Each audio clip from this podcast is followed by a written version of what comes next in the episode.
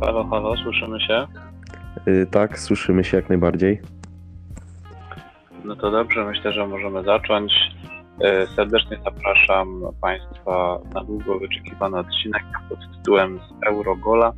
To jest taka kompilacja słów. E, Jeśli Państwo słuchali e, podcastów pod tytułem z Rogala, to to jest taka trochę inna wersja z Eurogola, to znaczy e, z euro, no bo euro, e, Rogola, no to tak Rogala, tylko że Rogola, no myślę, że można łatwo się domyślić. I, I cóż, i dzisiaj gościmy w naszym studiu podcastowym, objazdowym e, giganta futbolu niewątpliwie, zawodnika Staroliwy Rzeszów, byłego reprezentanta Polski do lat pięciu, Radosława Rożka. Witam bardzo serdecznie. Witam serdecznie. E, Dzisiaj, e, kochani, podsumowujemy sobie mm, fazę grupową Euro 2020 w wielkiej e, pigułce i jedną ósmą, bo to już za nami. Niesamowite emocje e, były przecież i w sobotę, niedzielę, poniedziałek i wtorek. Myślę, że poniedziałek spokojnie mógł być nazwany jakimś dniem futbolu, świętem takim międzynarodowym, ale to już myślę, że mm, za chwilkę o tym sobie powiemy. Na początek pytanie do Ciebie, Radku. Co dla Ciebie było największym e, zaskoczeniem, jeżeli chodzi najpierw o fazę grupową w sumie ze wszystkich grup? Mm, No to ja bym chciał zacząć y, od reprezentacji Turcji, która zaskoczyła mnie y, swoją postawą. Mm, Oczywiście negatywnie mnie zaskoczyła, ponieważ y, no, spotykałem się z wieloma opiniami, że Turcja może być mm, czarnym koniem tej imprezy, no a zostali chłopcami do bicia, no, co jest według mnie niedopuszczalne. W jaki sposób odpadli z tej imprezy no, nie pokazali zbytnio charakteru ani umiejętności, więc myślę, że zasłużenie odpadli y, już na fazie grupowej. Mhm. Mm, Jak ja sobie wspominam tą fazę grupową, wydaje mi się, że nawet ciut lepiej mm, Macedonia Północna się zaprezentowała, tak porównując do, do Turcji. No, ja jak najbardziej y, podzielam Twoją opinię, no bo jednak Turcja widać było zaangażowanie u zawodników. Y, Nawet y, stary Goran Pandev y, pokazał tutaj ambicje, mimo właśnie tylu lat na karku. No i taką reprezentację aż chciało się oglądać, no bo to jednak yy, piłka nożna pisze takie scenariusze, że yy, to właśnie tym słabszym kibicujemy, tym underdogom. No i właśnie Macedonia trochę skradła moje serce mimo wszystko. Szkoda, że niestety nie awansowali dalej. No niestety, niestety. Pokazali walkę, pokazali charakter, to co lubimy w tych zespołach zawsze, mm, którzy no nie są faworytami w mistrzostwach jakichkolwiek, ale to była bardzo fajna przygoda, myślę, dla nich wszystkich, szczególnie dla Pandewa. I szybciutko przechodzimy do tematu, myślę, numer jeden u nas w kraju przynajmniej. Ym, Jak myślisz, czy te wszystkie głosy y, o tym, że y, Paulo Souza powinien zostać zwolniony albo na szybko wymieniony, y, albo te wszystkie pretensje do prezesa naszego związku, że został zatrudniony za późno, czy to wszystko ma rację bytu, czy po prostu powinniśmy być bardziej cierpliwi? Bo ja mam oczywiście swoje zdanie na, na ten temat, ale chciałbym najpierw y, zasięgnąć Twojej opinii. Yy, Jeżeli o, chodzi o kwestię zbyt późnego yy, zatrudnienia Paulo Souzy, to jak najbardziej się z nią zgadzam, gdyż no, Jerzy Brzęczek nie do końca yy, kompetentnie sprawował swoją funkcję. Mm, No a jeżeli chodzi o to, czy widziałbym teraz jakiegoś innego selekcjonera, czy jestem za tym, żeby zwolnić Paulo Souzę, to Myślę, że nie, gdyż yy, Paulo Souza ma w sobie taką charyzmę i widać, że jakby stara się podnieść tą reprezentację na jakiś inny poziom.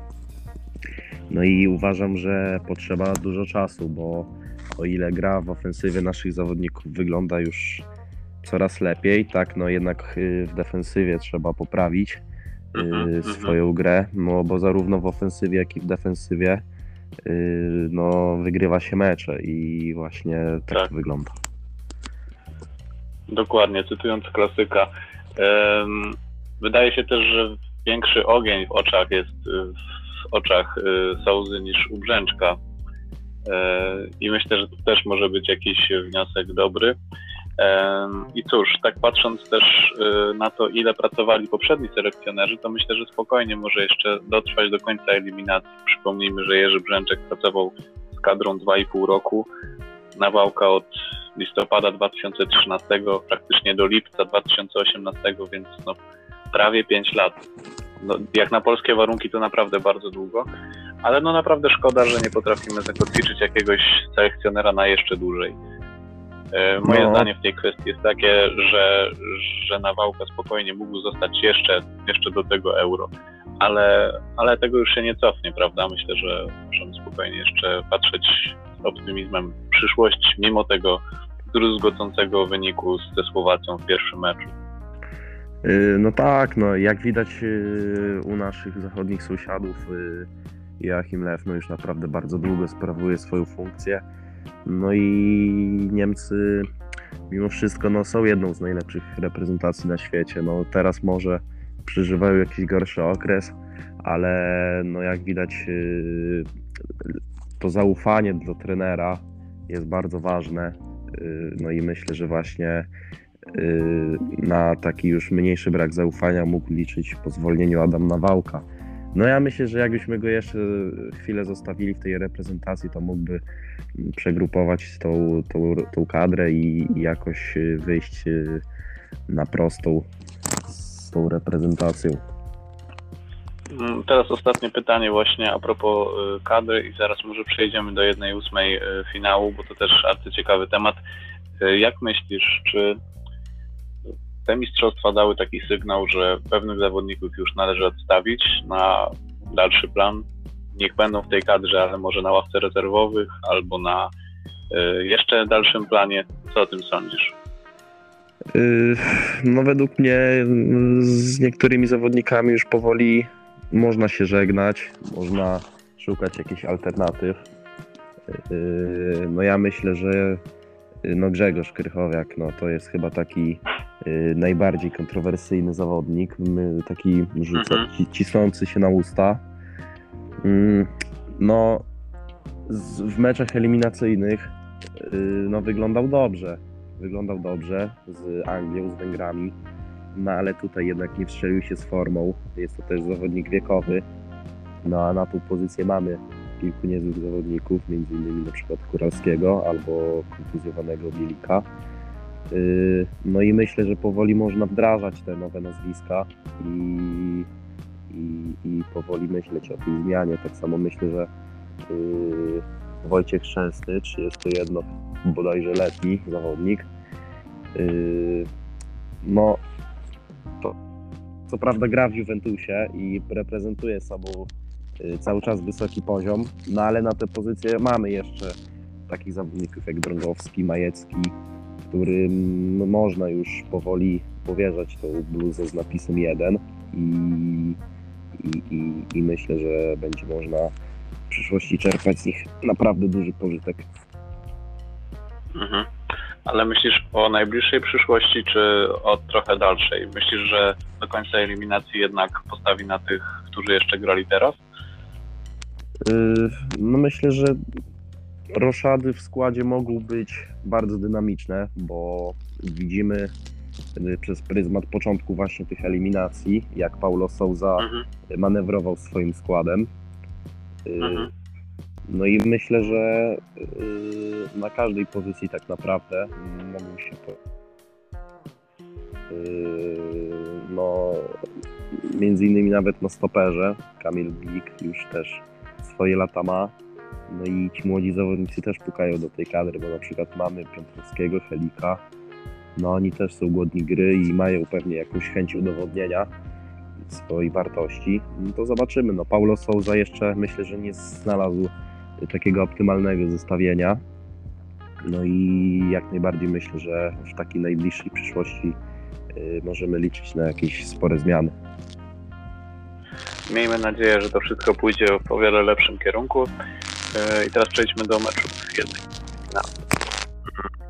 To było tych jednej.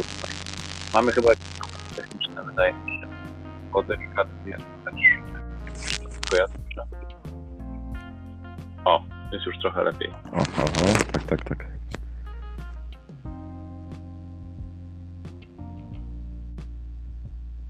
Mm, Który mecz według najlepszy z tych y, z jednej ósmej finału?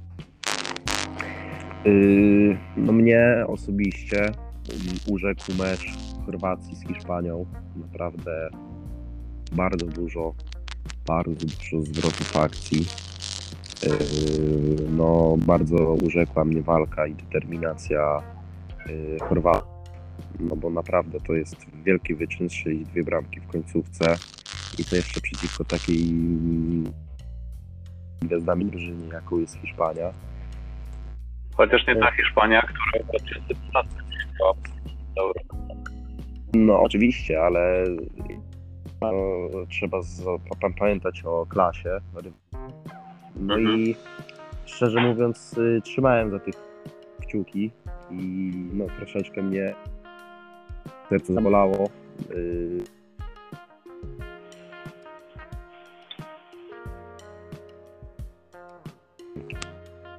No ale myślę, że to właśnie był jeden z najlepszych meczów, podobnie jak zresztą y, mecz mecz mecz Holandii z Czechami. Czesi na tym turnieju sobie radzą naprawdę świetnie. Patryk Szyk jest w kapitalnej formie. No i myślę, że właśnie to, co mówiłem wcześniej, drużyna, która jest spisywana na porażkę, wspięła się na wyżyny swoich możliwości i pokonała wyżej notowanego no i to właśnie takie piękne historie pisze piłka nożna i że Czesi jeszcze nie powiedzieli ostatniego słowa na tym turnieju.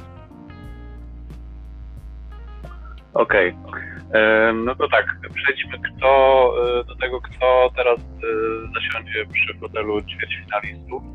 No to już znamy tak naprawdę już wszystkich uczestników. Te mecze odbędą się w piątek i w sobotę. To będą reprezentacje Danii z Czechami. To będzie pierwszy mecz. E, Włosi z Belgami. Myślę, że bardzo ciekawe spotkanie. E, Hiszpania ze Szwajcarią, która myślę, że to był najlepszy mecz, Szwajcaria udowodniła, że nie jest tylko drużyną na wyjście z grupy, a która potrafi walczyć coś więcej. No i ostatni mecz Ukraina-Anglia, kciuki za Ukrainę, co wczoraj pokazali do ostatnich godzin wczorajszego dnia. Także myślę, y, że to było w pierwszym odcinku. E, I następnym razem pewnie się spotkamy, drodzy Państwo, po meczach ćwierćfinałowych i półfinałowych. Tak to jest skonstruowane, że po dwóch fazach jakichś e, się tutaj spotykamy. Miejmy nadzieję, że przecież uda to czynić e, właśnie w drugim odcinku. A teraz bardzo dziękuję Jakubowi e, Radek Rożek, dzisiaj moim gościem. Pierwszy z gigantów futbolu. Do usłyszenia. Yy, Dziękuję, do widzenia.